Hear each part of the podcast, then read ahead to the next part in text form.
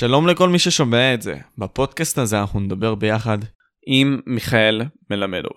מיכאל הוא מנכ"ל אמלין, ואמלין היא בעצם סוכנות שיווק. מיכאל עצמו הוא בעל הפודקאסט השיעורים שלו עמדתי בבית ספר. כדבר שאני גם רוצה להוסיף. הוא מציג שילוב, כפי שהוא אומר, של ג'ו רוגן וטים פריס, באותו פודקאסט. בפודקאסט זה הוא מדבר עם מומחים שונים, בתחומים שונים, שילמדו אותנו הצופים דברים שלא לומדים במסגרות הרגילות. מיכאל הוא מומחה לשיווק עסקים קטנים וגדולים ושדרוגם, תוך ליווי עסקי ושיווקי לעסקים רבים בישראל. בפודקאסט הזה דיברנו בעצם על איך ליצור קשרים, איך זה להיות בכלל מנכ"ל של כל כך הרבה חברות, הוא מנכ"ל של הרבה מאוד חברות, איך להצליח בחיים, ומעט העלינו את הסוגיה של קריפטו. אז זהו, זה בעיקרון חברים. תעקבו אחרי הפודקאסט בכל הרשתות החברתיות. תודה רבה שאתם צופים, ובואו נתחיל.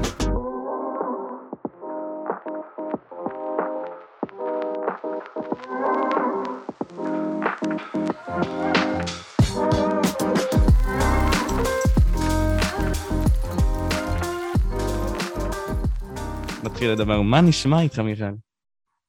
מגניב, אה, ואחי, כל הכבוד על ההתחלה וכל הכבוד גם על המיזם, ושוב, בן כמה אתה היום, משה? אני 18. מדהים, טרפת. כאילו, אני רק בגיל 20 התחלתי להתפתח לדברים, בגיל 22 התחלתי קצת לעשות דברים, זה שאתה בגיל 18 בכלל בתודעה של לראיין אנשים, ומה שנקרא לבוא ולהיפתח וללמוד ולהיות שם וליזום וליצור מציאות, זה...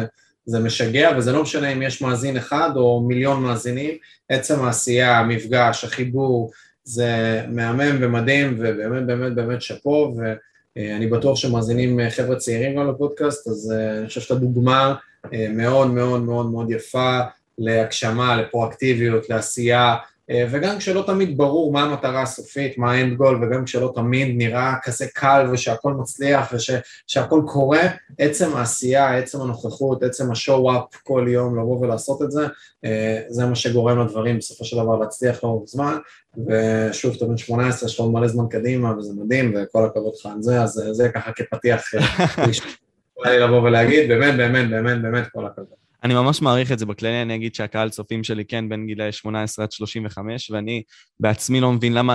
הקטע הוא כשאתה שואל את עצמך, למה אנשים צופים בי זו שאלה מאוד מעניינת, כי אתה אישיות, אתה נמצא בעולם הגדול הזה לכאורה, ואתה אישיות קטנה, כמו נמלה כזאת, אבל אנשים צופים בך.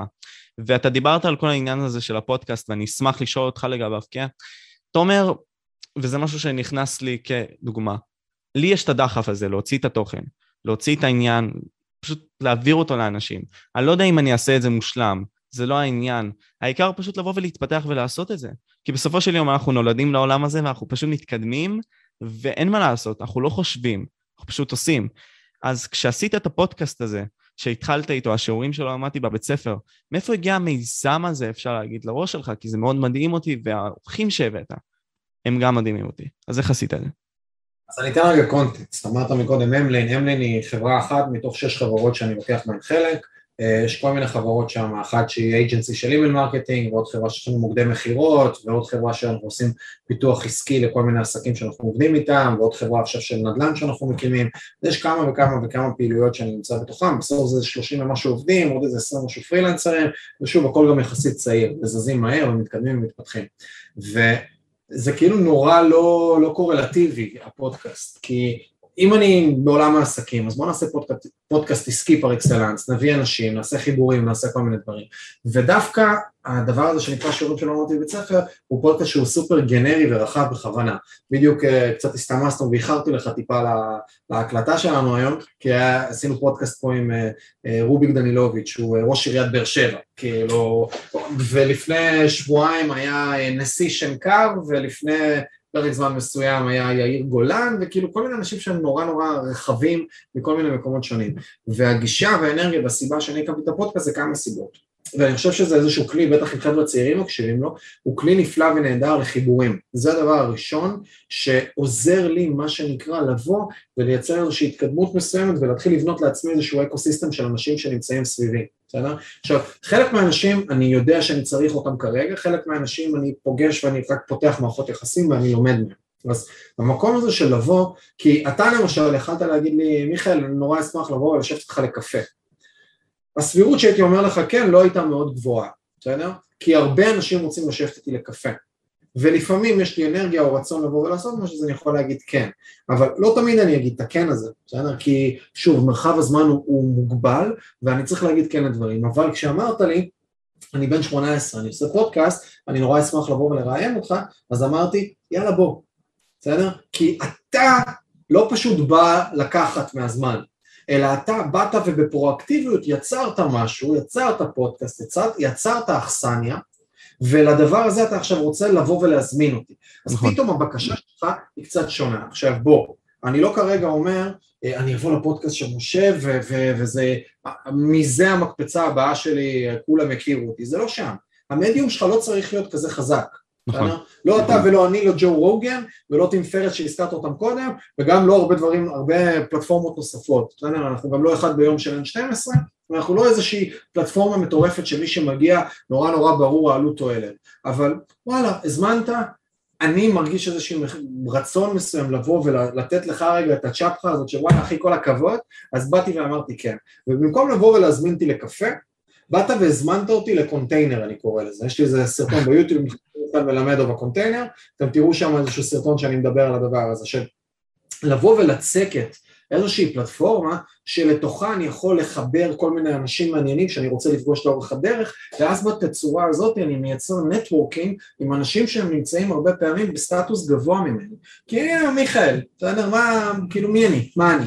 אז יש לי כמה חברות, יש לי קצת תוכן, יש לי איזה קהילה ואני עדיין גם כן צעיר אה, אז אה, יש לי עוד זמן לבוא ולהגשים ולכבוש את העולם אבל וואלה, ישבתי עם ראש עיריית באר שבע, שעתיים שיחה, בסדר?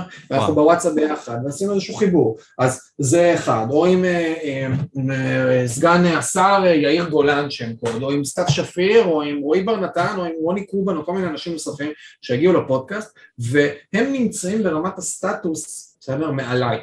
ואם הייתי אומר להם בואו לקפה, אז זה עוד אחת מתוך מיליון הודעות, מתוך מלא הודעות שהם מקבלים. כשאני מזמין אותם לפודקאסט, ושוב, הגישה הזאת של הקונטיינר, פודקאסט הוא כלי, זה יכול להיות מלא דברים אחרים. אחד מהדברים שאני רוצה לעשות, ואני אעשה את זה מתי שאני פשוט לא מגיע לזה כרגע, זה לכתוב ספר על 50 uh, אה, המנכ"לים של uh, מצליחים של הסטארט-אפ או איזה משהו כזה בעולם הסטארט-אפים, גם זה קונטיינר. גם זה לבוא ולראיין מישהו לספר כדי ולבוא ולשאול אותו איזה 12 שאלות קבועות שאני שואל 50 אנשים, אני חושב גם זה חיבור. גם זה לבוא ולהגיד לו בוא נשב לקפה, אשמח לשמוע, זה היי אחי אני כותב ספר על 50 מנכ"לים של סטארט-אפים ישראלים שנוסדו בארץ ואני אשמח לראיין אותך. יגידו לי לא, בסדר? 80-90 אחוז יגידו לי לא, אבל 10, 15, 20 אחוז יגידו לי כן. ומשם אתה מתקדם. ומשם אתה מתקדם, עכשיו גם זה נהיה יותר ויותר קל, כי היום כשאני בא להזמין מישהו לפודקאסט, אז אני אומר את האנשים שכבר היו אצלי בפודקאסט, ויותר קל לי להביא את הבן אדם הבא. נכון. כי כבר יש מה שנקרא, אוקיי, אם הוא היה כנראה הבן אדם הזה בסדר, גם יש לי כבר יותר מה להראות, ונוצרים חיבורים ומעגלים. שלשום הייתי בארוחת חג שני, אצל מישהי שהיום אני יכול להגיד לו שפיתחנו קשרי חברות, והייתה אצלי בפודקאסט, והיו סביב השולחן אנשים, אה, אנשים חכמים טובים, ושוב בסטטוס גבוה אה, חברתית בתוך אותו דבר, וזה התחיל מפודקאסט, בסדר? עכשיו, כן יש כאן איזשהו משהו שצריך לבוא ולהבין אותו, אני קצת שונה בנוף, כי שמתי והשקעתי הרבה כסף. בסדר? Mm. זה משהו כזה טריוויאלי, יש לי חצי, יש לי את אופק שהוא חצי משרה מתעסק בפודקאסטים, יש לנו אולפן פה בתל אביב שבנינו, ציוד, מצלמות, שיפוץ, הכל, עשינו את זה, כבר השקעתי בזה קצת יותר כדי לחייב את עצמי לתוך התהליך, אבל הכלי הזה, הפלטפורמה הזו, מאפשרת לבוא ולייצר חיבורים, ודבר נוסף שקורה, היא מייצר, מאפשרת לייצר ערך עבור הרבה אנשים, אז אם עכשיו אתה באת והקשבת לאיזה משהו ולקחת ועשית איזה פעולה בחיים שלך בעקבות משהו ששמעת, וואלה זאת זכות, כאילו זאת באמת באמת באמת זכות לבוא ולהיות איזשהו חלק בתוך חיים של אנשים בצורה פסיבית, לא שאני משקיע זמן, זה כמו לכתוב ספר, נכון. זה כמו לבוא איזושהי תוכנית או סדרת סרטונים או whatever שבא ונותן קדימה. אז זאת הגישה שלי לגבי הדבר הזה ואני נורא מחפש את הקונטיינרים האלה, לבנות כל מיני פלטפורמות שאני יכול לייצר דרכן ערך ולהביא אנשים, לייצר חיבורים ולייצר את ה networking. והרבה אנשים שואלים איך אני מתחיל, איך אני מתחיל להתחבר לאנשים, איך אני מתחיל לעשות דברים, איך אני מתחיל לגרום לאיזושהי מציאות, מי אני, מה אני, לאן אני לוקח את זה. אתה לא צריך עסק, אתה לא צריך רעיון לעסק, אתה לא צריך שום דבר, אתה צריך פלטפורמה שתתחיל להכיר דרכה אנשים, נתחיל לייצר דרכה חיבורים מכל מיני תצורות. והנה עכשיו יש לך את הוואטסאפ שלך, ואם תהיה לך איזו התייעצות קטנה, אז אתה תשאל אותה בנימוס ויש סיכוי שאני אענה לך, או תבקש איזה חיבור או איזה משהו. אז פתאום נוצר איזשהו משהו, נוצרה איזושהי גישה מסוימת, שאולי תשתמש בה, אולי לא תשתמש בה, אולי אני גם אהיה אספול ואני לא אענה לך, בסדר? שזה גם בסדר, וגם זה בסטטיסטיקה יכול... לקבל את זה. אין מה לעשות. אבל זה חלק זאת חלק מה, מהתפיסה ומהגישה. ואני אסכם את, השאלה שלך בעוד איזשהו, מקום. אני לא בן אדם נורא יצירתי. Mm, אוקיי. לא מגדיר, אני לא מגדיר את עצמי כבן אדם יצירתי. אני בן אדם שיודע למדל טוב, ואני אקסקיוטור טוב. אני לא החולם הגדול, אני לא זה שיודע לייצר לי דברים יש מאין ביצירתיות, משהו שלא היה כאן לפני, אני תמיד אומר שאני כנראה לא הייתי מקים את אפל, בסדר? כנראה אם, אם היה בא לשותף עסקי או חבר ואומר לי, אה, אני רוצה להקים זה, הייתי אומר לו, אחי, עסק של חומרה, לך תבוא, תייצר, מה הסבירות שזה יתפוס, הייתי מתחיל לספר לו את כל, אתה מתחרה ב-IBMים למיניהם, גופים ענקיים, מה זה רלוונטי, אני כזה. אבל once אני רואה משהו שעובד או משהו שטוב, אני יודע למדל אותו. אז הרבה מהדברים שאני עושה היום זה modeling לכל מיני דברים וכלים שראיתי בכל מיני מקומות. למשל, זרקת טים פריס עם הפודקאסט שלו, טים הפודקאסט והספר שהוא כתב, Tools of Titans ועוד ספר נוסף שהוא כתב, uh, Tribe of Mentors, בסדר? הוא כתב את הספרים, זה בדיוק כמו שדיברתי עליו קודם עם החמישים מנכ"לים, בסדר? וגם הפודקאסט של החיבורים והקשרים והדברים הנוספים שקורים, אז זה חלק מהדבר הזה, חלק מהרגע הסתכלות של אני ממדל, ה agency או הגישה שלי לזה שבניתי את הסוכנות דיגיטל, שמתוך הסוכנות דיגיטל אני מקים עוד חברות ועושה עוד דברים, זאת גם גישה שלקחתי עם גרי ויינרצ'וק, בסדר? Mm, שגרי okay. ויינרצ'וק מה שהוא עשה, הוא בנה את VaynerMedia, בסדר? הביא אותה לאלף עובדים, אני רחוק שנות אור מזה ואני במקום אחר? אבל הוא הביא אותה לאלף עובדים תוך עשר שנים, וזאת פלטפורמה עבורו להקמה של עוד עסקים, להקמה של עוד דברים. הוא למשל הקים על הפלטפורמה הזאת של VaynerMedia את Resy. Resy זאת אפליקציה שהוא מכר במעל 100 מיליון דולר, בסדר? Mm. שהוא עשה. שהוא הקים דרך הדבר הזה, כי הייתה לו פלטפורמת מדיה חזקה והוא פיתח קשרים ודברים נוספים. אז המלין מדיה, אם אני מסתכל על ה agency שלי, היא איזשהו modeling ל VaynerMedia, שהקמתי agency, שסביב ה agency הזאת אני יודע להקים עסקים. אני יודע להקים דברים נוספים. אז באתי והקמתי עוד חברות מסביב לדבר הזה, עם שותפים, עם אנרגיה מסוימת שהמלין במרכז ונותנת את הפלטפורמה להתקדם. אז אני יודע, עוד דבר שלקחתי מגרי זה כל היצירת content, כן, שאני מייצר המון המון תוכן. תחפשו ביוטיוב מיכאל מלמד או בכל מיני content, תראו מלא תוכן, בסדר? מלא מלא מלא מלא תוכן שאני כל הזמן מפיץ ומפיץ ומפיץ. לקחתי מגרי, הסתכלתי על ה modeling על הדבר הזה, בניתי פה את האולפן, יש את אופק, יש data, יש קהילה, אני מייצר תוכן, בסדר? מייצר תוכן תוך כדי שאני אופרטיבי בביזנס, כן? זה לא שאני יצרן תוכן ואני קונטנט קריאטור. אני בסופו של דבר קם בבוקר, יש לי עובדים שאני צריך לנהל, יש לי לקוחות שאני צריך לבוא ולספק להם שירות, ויש לי uh, פיתוחים עסקיים והקמות עסקים ותזרימי מזומנים לנהל, ואני בסוף מנכ"ל אופרטיבי של עסקים. אז יחד עם הדבר הזה לבוא וליצור את התוכן זה משהו שהוא לא כזה טריוויאלי, אבל ראיתי את גרי עושה את זה ואמרתי וואלה מגניב בוא נעשה את זה. למה לא? יש, משהו, יש גם משהו מגניב בזה שמי שמלמד אותי הוא מישהו שגם עושה business ולא רק מי שמה שנקרא מלמד, אלא נמצא בתוך הדבר הזה. אז זה גם כן modeling. עכשיו אני יכול לבוא ולפרוס עוד מלא כיוונים ומלא דברים, אבל המון המון המון הסתכלות על מה אחרים עושים, להבין מאחורי ולייצר execution, בסדר? לבוא ולייצר ביצוע של הדבר הזה.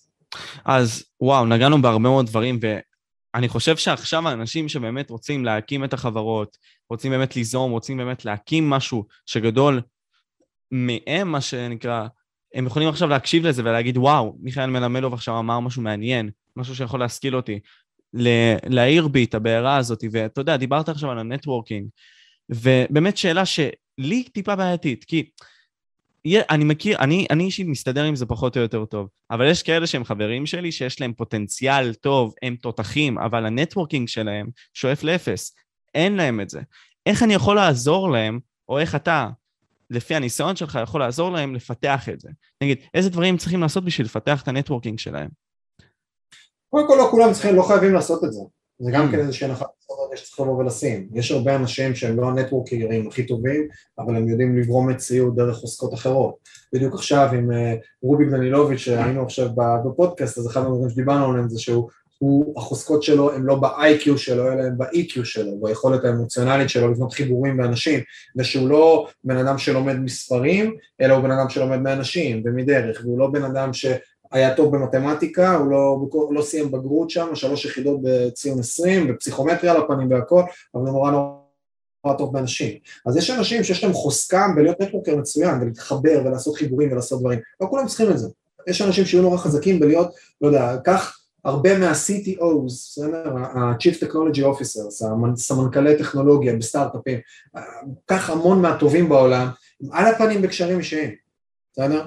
הם, הם לא בהכרח טובים שם, אלא הם יודעים לבוא ולייצר ערך דרך השכל שלהם וכל מיני דברים טכנולוגיים מורכבים, בפתרונות מסוגים שונים. אז לא בהכרח כולם צריכים להיות בנטוורקינג ולעשות חיבורים ולעשות כל מיני דברים. מה שכן אפשר, אם בכל זאת רוצים רגע לבוא ולשאול איך אני יכול לבנות מערכות יחסים בכל מיני תצורות, אני חושב שמילת המפתח תהיה נתינה. נתינה. כן. אוקיי. כי אם אני בא ומייצר ערך עבור הצד השני, אז הרבה פעמים בעיקרון פסיכולוגי שקיים בכולנו, שנקרא עיקרון ההדדיות, הצד השני רוצה להחזיר לי בתצורה כזאת או אחרת.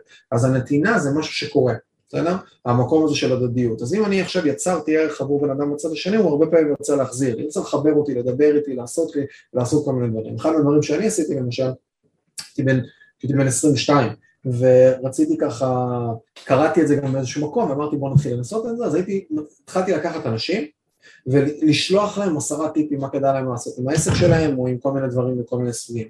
אז נגיד, פניתי למישהו שהיה מורה שלי ועשיתי את זה הרבה, בסדר? עשיתי את זה בוא נגיד סתם, שמונה פעמים, תשע פעמים, ומתוך השמונה תשע פעמים האלה פעם אחת יצא משהו, שזה גם מספיק בסטטיסטיקה. זה יפה.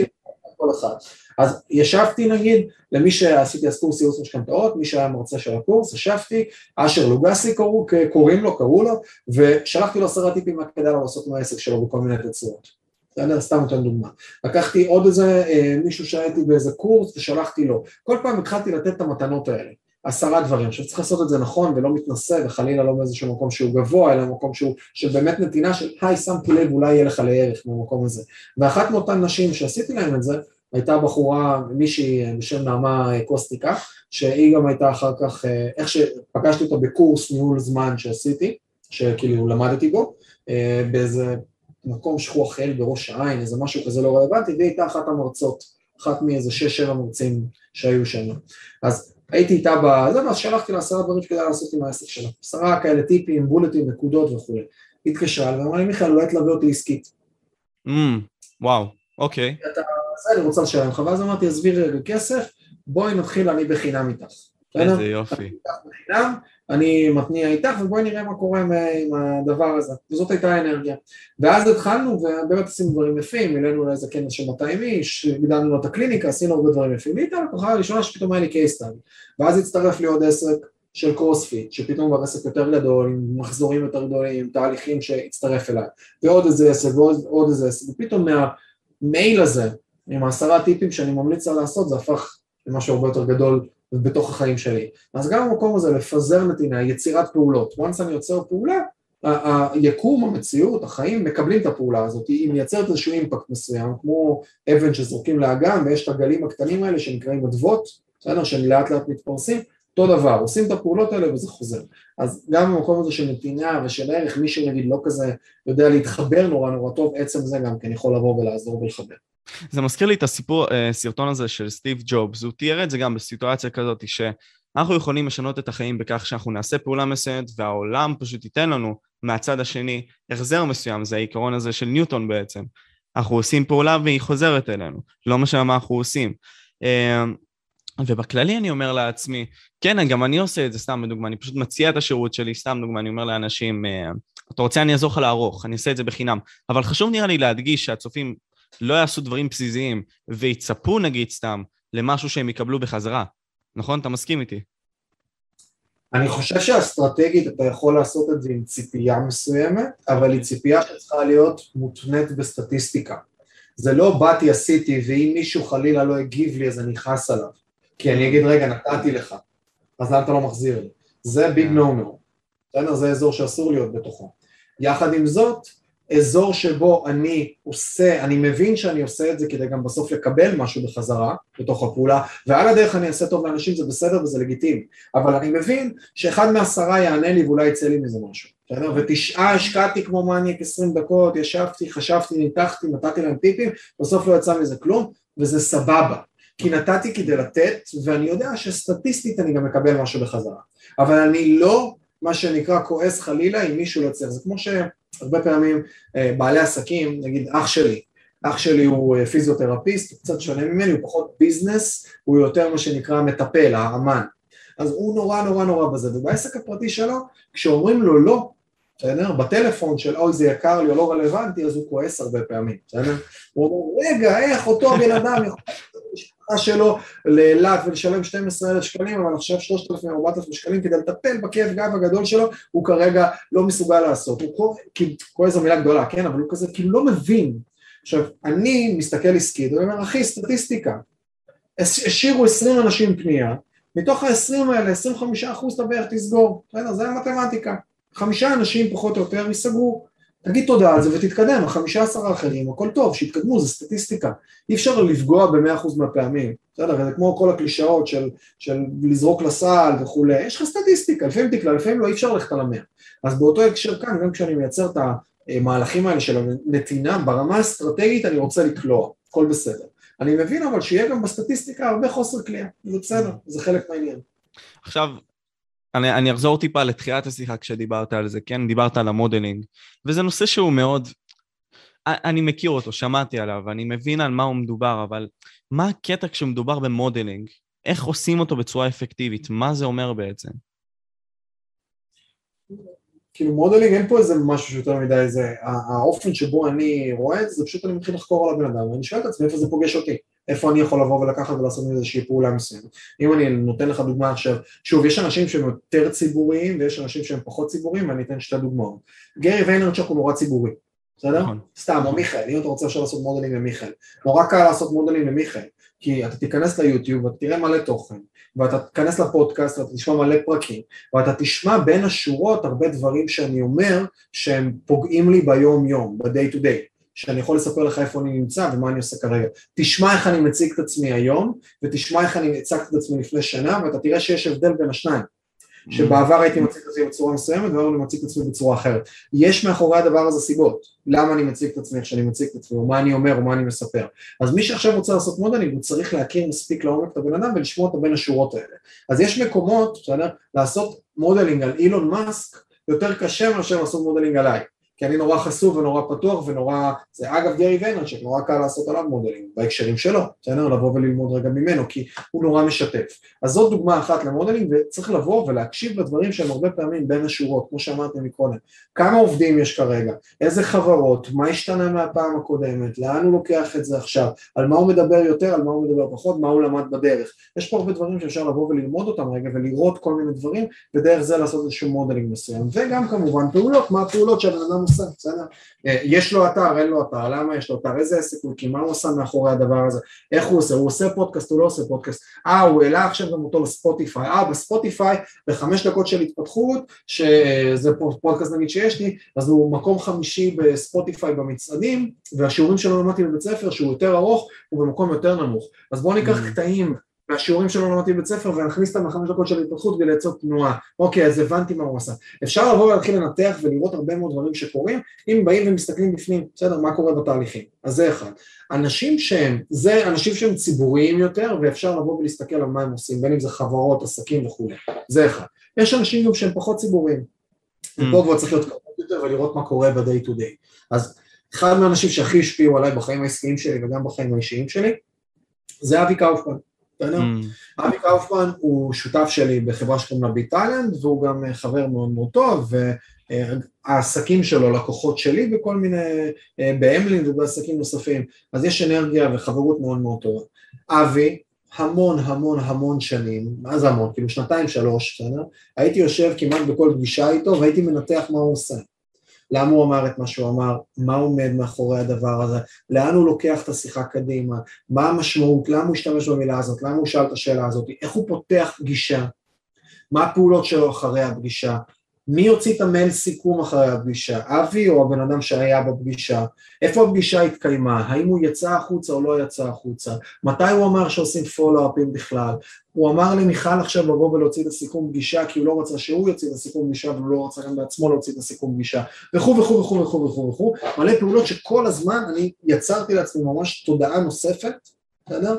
ממש תודעה נוספת של חשיבה של מה עומד מאחורי הפעולה או המילה או האמירה שנאמרה כרגע בתוך החדר, וזה ממש ממש ממש skill שאפשר לפתח אותו ולהכניס אותו לרמת המודעות, זאת מין עוד שכבה כזאת, בסדר? כן. זה כמו, בואו נקביל את זה למשהו שיהיה קל לאנשים גם להתחבר אליו, הרבה אנשים אומרים אה, שלוש, שלושה מתבלבלים באופן שבו זכר נקבה למספרים, בסדר? אחת מהדרכים לפתור את הדבר הזה זה לא ללמוד עכשיו את כל המילים אי פעם, מה בדיוק הדבר, אלא הדרך לפתור את ה... אה, לגרום לעברית שלנו להיות תקינה יותר וטובה יותר במרכאות, היא על ידי זה שאני מפתח חצי שנייה של מודעות אחרי שאמרתי מספר, לשאול את עצמי שאלה, רגע זה זכר או נקבה. אם הצלחתי כל פעם כשאני אומר שלוש או שלושה, כל פעם כשאני אומר חמש או חמישה, בסדר? רק לשאול את עצמי, רגע, אמרתי נכון או לא אמרתי נכון? רק זה זה יפתור, יגרום לעברית שלי להיות תקינה בהקשר הזה של מספרים. אז אם עכשיו אני מדבר על modeling, מספיק שתהיה לי את השכבה הדקה הזאת של המודעות, של רגע, למה הוא אמר את מה שהוא אמר, ולא רק להיות מה שנקרא ב content, אלא להיות ב context, לא רק בתוכן, אלא גם בהקשר, הדבר הזה מאפשר לי לייצר modeling, וזה אלגוריתם לומד. להיות אקטיבי אלגוריתם, פשוט. להיות במודעות. אוקיי. שחלק מזה זה אקטיביות. בדיוק. Mm, אוקיי. לנתח את זה. עכשיו אפשר כל מיני דברים אחרים, כמו לעשות רשימות ולעשות איזה טבלה ולנתח ולעשות כל מיני כאלה, בעבר הייתי יותר שם, היום אני יותר מחפש מה שנקרא את ה...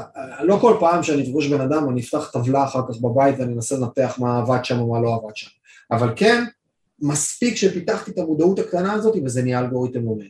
והיום, אם אתה נותן לי סתם העולם העסקי, עולם פשוט נורא ברור, נותן את זה כדוגמה, היום אם אתה נותן לי עסק, אני בארבע דקות יודע להבין מה המשפיכים השיווקיים שלו, מה התהליך מכירה שלו, מה השיווק שהוא עושה, מה המוצרים שהוא מוכר, מה הוא עשה בעבר, מי השותפים, מי המנכ"לים, כמה עובדים יש, שוב, לא להכל, כן, אבל תן לי רק את הפייסבוק שלו, תן לי, תן לי רגע להסתכל מבחוץ על המודעות שהוא מריץ, תן לי להבין כמה דפי נחיתה, אני בגדול יודע להגיד לך מה המחזור של העסק, אני יודע להגיד לך מה הוא עובד לו, מה לא עובד לו, איך הוא עושה את הדברים, מה הכמות תנועה שיש לו, כי כבר יש כלים, יש כלים כבר שיודעים לבוא ולהסתכל על הדברים בצורה מהירה. וואו, זה, זה באמת מגניב, ותיקחו את זה, בואו נמשיך את זה. אני חושב שזה מאוד מדהים הקונספט הזה, פשוט להיות, כמו שאתה אומר, מודעות אקטיבית לסיטואציות מסוימות, אז תיקחו את זה הלאה, חברים. אז אתה יודע, עכשיו אנחנו מדברים על היותך מנכ"ל גם, ואותי זה מאוד מעניין, כי, נער, כי אני נער שרוצה להיות עצמאי, אני... יש את העיקרון הזה שאומרים, אני לא רוצה להיות עבד וכל מיני דברים כאלה, אבל אתה באמת רוצה להיות עצמי, אתה רוצה להגשים את הדברים שלך, אתה רוצה להיות הבן אדם בראש, מה שנקרא, אז איך זה מתבטא אצלך בחיים? איך זה נכנס אצלך ברזולוציה הזאת של היום-יום? מה, אתה תחדד לי ברשותך את השאלה? אמ, אתה הרי מנכ"ל, עכשיו, איך, איך זה מתבטא אצלך ביום-יום? מה אתה עושה ביום-יום?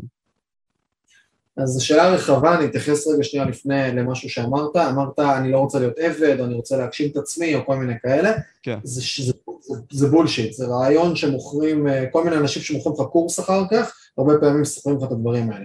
זה בסדר להיות שכיר, זה בסדר להיות שכיר, ואני יכול להגשים את עצמי גם בהיותי שכיר, ואני יכול לקבל אחריות ושליטה בהיותי שכיר, ויש אנשים שפגשתי שהם בתפקידים בכירים, שאתה מסתכל עליהם, אתה אומר למה אתה לא עצמאי, הוא אומר לך אחי אני מגשים את עצמי, אני יוצר מציאות, אני מגשים, אני, יש לי מלא חופש, יש לי מלא אחריות, ותמיד אומרים ש...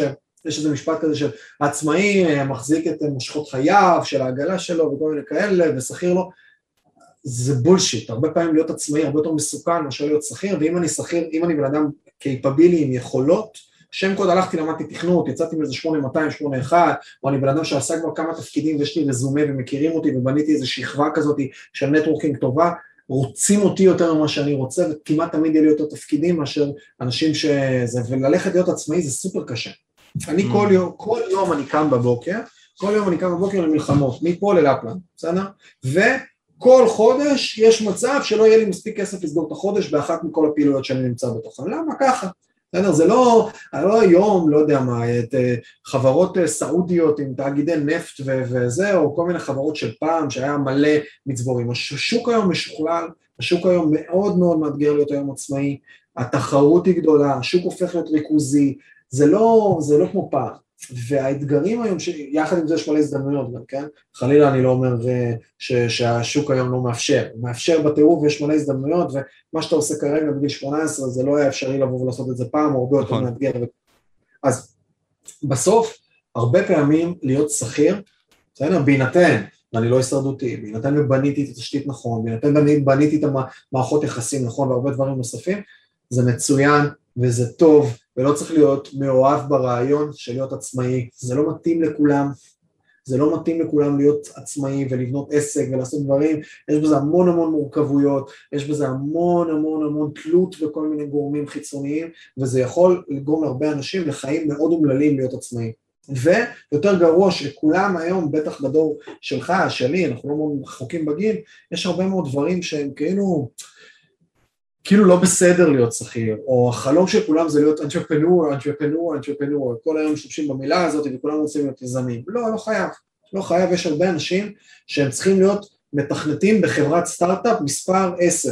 הם צריכים להיות הבן אדם העשירי בחברת סטארט-אפ שהולכת לפרוץ, הם יעשו ארגזים של כסף, הם יגשימו את עצמם טכנולוגית, יהיה להם מלא חופש, השוק רוצה אותם, יש תחרות על, ה, על, ה, על המשרה שלהם, ובסופו של דבר יהיו להם חיים נפלאים וטובים. ואולי לא צריכים להיות אותו מנכ"ל ש, שעוד חודש וחצי נגמר לו הכסף שהוא גייס, והוא צריך לרוץ עכשיו ולחיות עם עם, עם, עם החרב על הצבא הרגע שהולך להיגמר הדברים, וזה לא מתאים לכולם, זה לא נכון לכולם, ואם המטרה שלכם היא כסף, זה בהכרח לא הדבר שהוא הכי חשוב, ואם המטרה שלכם היא הגשמה עצמית, אז לגמרי זה לא בהכרח הדבר, ואם הדבר שלכם זה השפעה או, או סיכון וכולי, לגמרי זאת לא המטרה. ויחד עם זאת, שאלת אותי, אני חושב שגם בתשובה שנתתי, כאילו, היא קשורה גם למה זה להיות מנכ"ל, בסדר? נכון. להיות מנכ"ל, להיות מנכ"ל, וגם קשה לי עם המילה מנכ"ל, כן? כי אני, כאילו, מבחינתי מנכ"ל זה, הוא יזם, אני שונא, אני לא מגדיר את עצמי יזם, בסדר? אני צריך לעבור עוד דרך כדי להגדיר את עצמי יזם, בתפיסה שלי, בגישה. אבל כן, אני קם בבוקר, יש לי פחות או יותר 30 עובדים, ועוד איזה 20 פרילנסרים שעובדים איתי, ויש לי שותפים, ויש לי אחריות בכל מיני מישורים, יש איזה שישה חשבונות בנק שצריך לוודא שהם בסדר ומאוזנים, אז יש אחריות. אה, אבל אני קם עם הרבה אחריות, כאילו כל יום שאני קם, הוא יום שבו אני הכתובת לכל הבעיות, צריך להבין את זה. בסדר? כל פעם כשמישהו נכנס אליי לחדר לשאול או לדבר על משהו, ב-60-70% מהזמן זאת בעיה. וואו. בסדר? היום, היום היה מלא בעיות, בסדר? היום היה, אמר, רק זרקתי לך מקודם על זה שהיה פודקאסט עם רוביק, בסדר? כן. אז אה, בוא נגיד שהפודקאסט לא זומן אצלי ביומן היום. וואו. בקטע כזה. אז זה פתאום היה, רגע, אוקיי, אז אה, רגע, יש בעיה, מה עושים? אני צריך לקבל את ההחלטות מה עושים באותו רגע. לדחות את זה, להזיז את זה, לבטל לפה, לעשות שם. זה סתם דוגמה. דוגמה אחרת, היום נכנסה אליי רעות מהצוות ואמרה, עשיתי פדיחה, וזה קורה, בסדר, זה עולה עם הרבה זה, עשיתי פדיחה, לא עדכנתי את התקציבים, בסדר? לא עדכנתי את התקציבים שהיו בתחילת החודש ללקוח הזה, המשמעות היא שכרגע כבר מיצינו 80% מהתקציב ונשאר עוד 20 יום, מה עושים? שאתה צריך להגיד ללקוח שהוצאת לו את כל הכסף, אתה צריך להגיד את זה, וזה קורה, אין מה לעשות, כי אתה בסוף מנהל איזה 200 קמפיינים ודברים קורים ופלטות כאלה יכולות לקרות. אז אני צריך עכשיו לבוא ולנהל את השיחה הלא נעימה, לקבל את ההחלטות, לשנות את הדברים, ולא תמיד יש את הזמן, את הרצון, את האנרגיה. אז להיות מנכ"ל או מנהל זה להיות עם המון המון המון יכולת לניהול אנרגיה. כן. המון. כל היום צריך להיות, כי הבעיות תמיד יגיעו אליך ואתה בסוף ה-last line of defense, אתה צריך לקבל את ההחלטות באותו הקשר. אז זה הרבה מהמקום הזה. אה, לוז מפורק בהמון המון פגישות והמון המון דברים, אבל שוב זה האופי שלי, אני גם יכול לשחרר 70% מהדברים שאני עושה, לחיות לא רע, וכאילו להיות ביציבות הרבה יותר אה, רגועה ממה שאני עושה, אבל שוב זה אופי, אני צריך את זה, אני צריך את המון המון המון דברים, המון המון פעולות שקורות וכולי. אז זה חלק מלהיות מנכ"ל. להיות מנכ"ל זה גם לא רק להיות במיקרו ולפתור את הבעיות במיקרו, זה גם להסתכל מקרו ולהגיד לאן הולכים, זה למכור חזון, זה להתקדם קדימה, זה לבוא ולהצביע לאן לוקחים את הדברים, אז זה גם מה שנקרא להיות בעננים וגם להיות בחצץ, אז זה להיות בגם וגם ולבוא ולתקוף את זה מכל מיני זוויות קדימה. אז בוא, בוא ניכנס לזה יותר עמוק. מה מניע אותך בעצם בעשייה הזאת? אתה לוקח על עצמך כל כך הרבה. אנשים יסתכלו עליך ויגידו כזה, מה זה המשוגע הזה שלוקח על עצמו עכשיו את השש מקומות האלה שבהם הוא נמצא, כל החששות האלה, המיקרו, המקרו, מה? למה שבן אדם יעשה את זה? מה מניע אותך לעשות את זה? עשייה, אני, אני בן אדם שנורא מעוניין מפיוטר, מעתיד, אני כאילו נורא נורא נורא צריך את הגדילה, את הצמיחה, אם אתה תמצא אותי באותו מקום בעוד שנה, יש סבירות גדולה שאני לא אהיה מאוד מאושר, בסדר?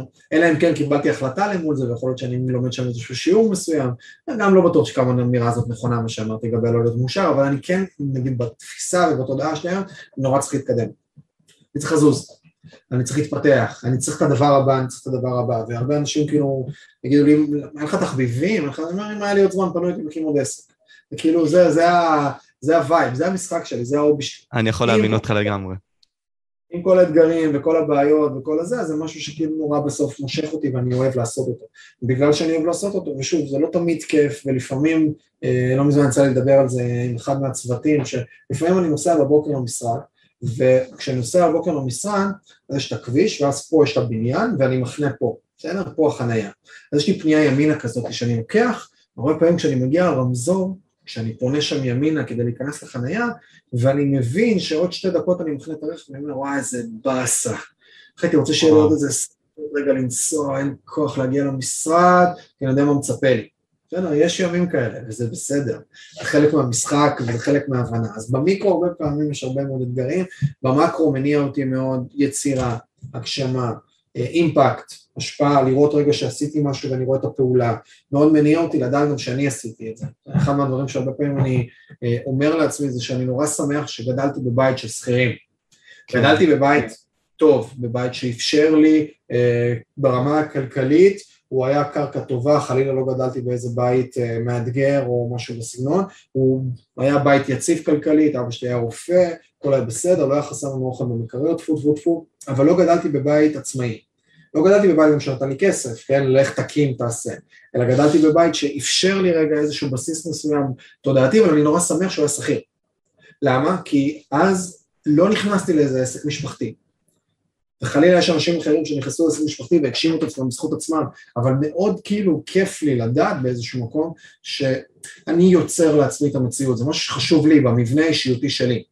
אני גם באיזשהו מקום קצת שמח שלא הייתי באיזה 8200 או ב-81 או באיזשהו מקום מסוים שבא והסליל אותי או בנה לי, עשה לי דרך קלה, אלא שאני יוצר את המציאות שאני רוצה. כי בסוף זה לא רק התוצאה שאני יוצר, זה כמה חיכוך היה לי בדרך, מה האתגרים שהיו לי בדרך, מה עצר אותי ואיך אני התגברתי על הדברים האלה. אז זה חלק מהדברים שמניעים אותי, ההגשמה, הצלחה, גדילה, יצירה, ולדעת שאני עושה את זה רגע, שאני מאתגר את עצמי ואני פותר את האתגרים כדי לגרום למציאות לקרות. אז רגע, אתה שמת לב ל patterns שלך, אלו שבאו מהבית שלך, לדברים שאתה עושה היום בעצם? אתה, מה שנקרא, מחובר עם הדברים האלה? אתה מבין למה אתה עושה את הדברים שאתה עושה עכשיו? אה, מה הכוונה? תחדד לי עוד פעם. נגיד, אתה עכשיו באת ורשמת לי שאני בחור של עשייה. אני חייב לבוא ולקחת על עצמי הרבה. אז אני שואל את עצמי, האם מהבית שלך הרגשת את ההרגשה הזאת של, אוקיי, מאז שאני קטן אני עשיתי ככה וככה וככה בשביל לבנות את זה? לא, ממש, אני, אה, אם יש pattern אבל שכן אני יכול לשים לב, דווקא הייתי מאוד עצלן. אה, יחסית הייתי ילד שיודע במעט זמן לבוא וליצור תוצאה, שם קוד בלימודים וכל מיני כאלה, זה הפך אותי לנורא עצלן. ולא הייתי, אף פעם לא הייתי מתאמן על כלום, אף פעם לא הייתי עושה כלום, לא הייתי באיזה תנועת נוער, לא הייתי באיזה חוג כזה או אחר, הייתי בשחייה עשר שנים, עד גיל 14-15, וגם שמה באיזשהו שלב כבר הייתי סתם מגיע לאימונים פעמיים בשבוע, כשכולם היו מתאמנים שבע, הייתי מבריז, לא הייתי הולך, הייתי באנרגיה לא נכונה. בגיל 16 אמרתי שאני רוצה להתחיל ללמוד לנגן בגיטרה, ואני עד היום לא באמת יודע לנגן בגיטרה. הנה, זאת גיטרה מגיל 16, עלתה לי 4,200 שקלים, מרטינס, שממש ממש ביקשתי מההורים לקנות לי אותה, והיום אני יודע לנגן איזה שלושה שירים, בסדר? ולמרות ש... לא שם, אז המקום שבו באתי הוא דווקא לא ממקום של עשייה ויצירה. אבל כן יש pattern אחד שאני יודע נורא לשים לב עליו עליי לאורך כל השנים, זה שלא הייתי יודע, אף פעם לא הייתי בן אדם של מסגרות. או, אוקיי. תמיד הייתי בן אדם שצריך ליצור לעצמו את המסגרת, וזה מתחיל מזה שכולם היו עושים שיעורי בית, אני 12 שנה מעולם לא עשיתי שיעורי בית. כיתה ח'-ט', אני חושב שהייתי יותר לא בבית ספר, היה לי יותר חיסורים מאשר שהייתי כן בבית ספר. בגרויות יום לפני אני לומד כזה, לא זה, בכיתה ו', אה, בין ה' לו', המחנכת שלי יצאה לחופשת לידה, ובזמן שהייתה בחופשת לידה אני ארגנתי עצומה של כל הילדים שלא יחזירו אותה, כי לא רציתי אותה, כאלה. לא הייתי, לא הייתי מסוגל לשאת מסגרות, גם כשהייתי בשחייה, כמו שאמרתי מקודם, הייתי הולך פעמיים בשבוע מתוך שבע, כי רציתי את זה ביי בכללים שלי, בצבא כמעט ולא התגייסתי, ניסיתי להוריד פרופיל, ממש בשנייה האחרונה התגייסתי, ויתרתי על מלא דברים, על 8200, על שחקים בחבצלות, כל מיני תפקידים טובים מאוד, ויתרתי כי לא רציתי, כי my way כזה. חמור אגב, ילד שהוא חמור, ילד שהוא לא מבין איך עובדים ואיך החיים עובדים. לקח לי הרבה זמן לבוא וללמוד. היית פוגש אותי בגיל 19, היית פוגש ילד ארס מהקריות, כן? שבדיוק עשה רישיון לאופנוע ורוצה להיות קרוב לבית לשרת בעכו ולעשות יומיות ולהיות איזה תרסר מטבח או איזה, איזה משהו כזה, זה מאוד מאוד מאוד היה שם. המקום הזה של האי יכולת לשאת מוסכמות. ואז גם אני, כשבסוף ניסו להסליל אותי, בסדר, המשפחה, להיות רופא, לא יכלתי לשאת את זה. לא, אני לא חושב שהייתי מצליח להסתדר באוניברסיטה. לא חושב, כאילו... וואלה. יכול להיות, כן, אבל אני חושב שזה משהו שהוא לא, פחות היה מתאים לי. Mm. פחות היה מתאים, לא שאני לא לומד, אני אוטודידקט, אני לומד, אני קורא, אני הרבה דברים, אבל אני לא יודע לבוא וכשמחדירים אותי לאיזושהי מסגרת מסוימת, אני חייב לצקת וליצור את המסגרת שלי. ואני אסכם על זה ולהגיד שזה לא, לא שאני לא חי ממלא מסגרות היום, כן? Mm. אני מלא מסגרות, כי יש לי עסקים, בעסקים אתה יוצר שגרות ניהול. יש לי פגישה שבועית עם, השוט... עם כל אחד מהשותפים שלי, יש לי פגישות עם הצוות פעם בשבוע, יש לי רוטינות של פודקאסטים, רוטינות של תכנים שאנחנו מייצרים אותם, יש לי כל מיני דוחות שכולם ממלאים ואני במעקבים עליהם, יש לי משימות מחזוריות, יש לי אופן מסוים שאני כמעט כל בוקר פותח וכותב רגע משימות ודברים. איזה מגניב. אז יש המון המון דברים שקורים ברוטינות, אבל אני יצרתי אותם. Mm, אוקיי, זה חשוב. זה חשוב. אצלי כן. אה, אז אני, אני, זה באמת עניין אותי עכשיו, ואני כל כך, אני אגיד שאני כן relate you בהרבה מאוד מהדברים שאמרת עכשיו, ואני אשמח לשאול עוד שתי שאלות קצרות, כן? אני כנער, והרבה מאוד מהחברים שלי גם משקיעים בקריפטו, רוצים להשקיע בקריפטו יותר נכון, אבל לא יודעים אם בהכרח זה הדבר הנכון לעשות.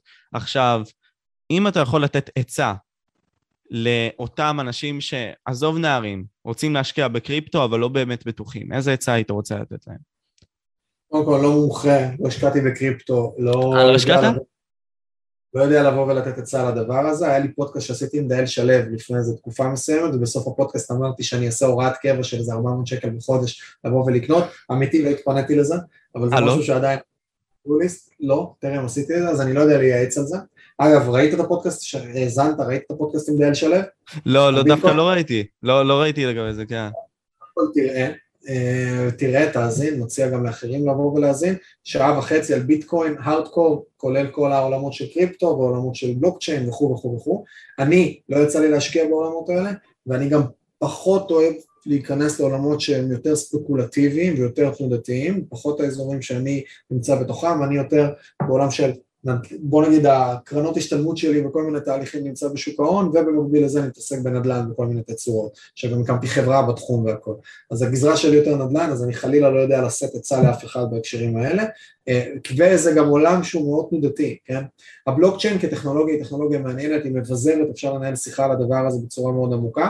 המטבעות הספציפיים, יש כמה מטבעות בוגרים שאפשר לבוא ולהשקיע בהם, אבל לרוב זאת תהיה השקעת רולטה, בטח אם אני עושה סווינגים בטווח קצר, ולכן כן, אני חושב שיש זכות קיום למי שמתמחה ממש הארדקור בעולמות האלה, ולומד אותם בצורה סופר עמוקה, לבוא ולהבין איפה יש הייפים קטנים בתוך העולם הזה, וכן לייצר השקעות קצרות מועד שבהם אני עושה פליפ על כסף, צריך להיזהר לראות שאני לא משקיע יותר ממה שיש לי וכולי, מי שממש מתמחה בזה, כן יש שם הזדמנויות לבוא ולעשות כסף, יחד עם זאת, כגישה כללית אני פחות שם, כי אני בסוף מתעסק בעולמות אחרים, ואת הכסף שלי אני רוצה להשקיע במנגנונים יותר סולידיים, טווח ארוך ובמהלכים חכמים. קריפטו, כן, יש זכות קיום, ואני חושב, ושוב זאת לא עצה כמובן להשקיע, כל אחד יעשה את החושבים שלו, כן יש זכות קיום לקחת אחוז, שניים, שלושה מהכנסה ולהשקיע אותם בקריפטו ולתת לדבר הזה רגע לצמוח או לא לצמוח, ואני גם פחות מה... הולך למטבעות אה, שורה 28 או כל מיני. הדודג'קוינים למיניהם. פחות באזור הזה, יותר איתריום יש לו זכות קיום ולביטקוין יש זכות קיום וכולי, שזה כבר פלטפורמות מספיק מבוססות עם מספיק קרדיטציה לבוא ולעשות, וכן לבוא ולשים את האחוז שניים כמה מאות שקלים או כמה עשרות שקלים, כל אחד במקום שבו הוא נמצא, ולשים טיפה שם, זה אחלה. לבוא ולשים את כל הכסף זה משהו שאני לא הייתי מציע לאף אחד, אבל מי שנמצא שוב במומחיות נורא גדולה ורואה עכשיו איזשהו מטבע שהולכים לעשות לו איזה אה, אה, ICO כזה, בסדר? initial coin אופרינג שמציעים אותו לציבור ועושים איזשהו מהלך והוא בדק והוא זה והוא יכול לעשות פה איזה סיבוב קטן יכול להיות שיש לזה זכות קיום למי שממש ממש מתמחה בזה וכן אפשר לעשות סיבובים אבל זה להבין שזה מקצוע. ולהבין שיש בזה גם סיכונים שאפשר לעשות את הכל כי זה, כי זה עולמות של 1 או 0 שמתי עכשיו 100 אלף שקל, 50 אלף שקל, 10,000 שקלים בשוק ההון ב-S&P 500 בתעודת סל שמחכה S&P 500 כנראה בשנה בממוצע אני אעשה 7, 8, 10 אחוז, זה mm. המספרים שאני... תודה, שלום, לא נוגע בכסף. יש שם איזושהי ודאות מסוימת, אפשר להסתכל על שוק המניות לאורך עשרות שנים ולראות שזה קיים. בקריפטו יכול להיות ששמתי ויכול להיות שיום למחרת זה נעלם, אז צריך נורא לחשוב על זה ולהתמקצע. אז, אז הגישה שלי לזה, ושוב, לא יצא להשקיע כל אחד עושה את החישובים, או שאני סופר מתמקצע, ואני מחפש לתפוס הזדמנויות, כי אני נורא מכיר את השוק, ואני נכנס all in בכל מיני דברים, בכל מיני תצורות, ואז אני כן יכול לעשות פליפים ולייצר הגדלות הון, אבל גם להבין שאני יכול להפסיק את הכל. זה מחד, או מאידך לקנות באחוז שניים מהכסף שאני מרוויח וכן לקנות סוכנויות ולסחור לטווח ארוך יותר, לזה כן יש איזושהי זכות קיום יותר עמוקה. Mm, אוקיי, אוקיי, קיבלתי את זה. קיבלתי את זה, ואתה יודע, עם סוף הפודקאסט אני אשמח לשאול שאלה שמאוד תתחבר לשם של הפודקאסט שלך. מה השיעור הכי גדול שלמדת בחיים שלך? שאלה גדולה. שאלה גדולה, שיעור הכי גדול. אני חושב שאנחנו מורכבים מהרבה שיעורים, אבל אני חושב שאולי אה, מכלול שלימד אותי הרבה דברים, זה הדבר הזה שנקרא סטואיזם. ואני מדבר על זה הרבה בפודקאסטים אצלי ובהרבה תכנים, ואפילו נכון. עשיתי איזה חמישים דקות מלאות על סטואיזם, ממש מה זה, אה, המקום הזה של אדישות, אדישות חיובית, אה, ולהבין שבסוף אין טוב ואין רע, אלא יש רק פרשנות שלנו פרטית לגבי כל מיני אירועים שקורים. והיכולת לבוא ולהבין את זה עוזרת לייצר הרבה יותר center בחיים, mm. הרבה יותר שקט, הרבה יותר מה שנקרא להיות באיזה tranquility כזה.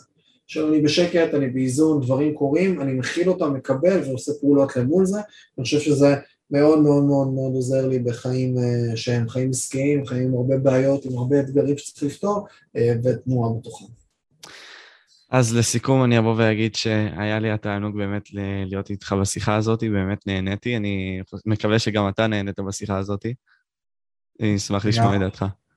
אה? אני חושב שאתה עושה עבודה נפלאה, אני חושב שאתה נותן לנו מרואיינים שלך לדבר, וזה חשוב, ואני לא, לא תמיד טוב בזה.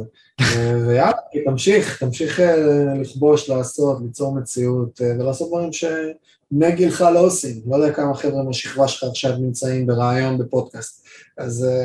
לא מגניב. הרבה, לא הרבה, אבל בכל אופן, אני אבוא ואשים את הלינק לערוץ שלך בתיאור, וכמובן לאינסטגרם, תיכנסו, תראו, והכי חשוב, תהנו מהתוכן, זה הדבר הכי חשוב לדעתי.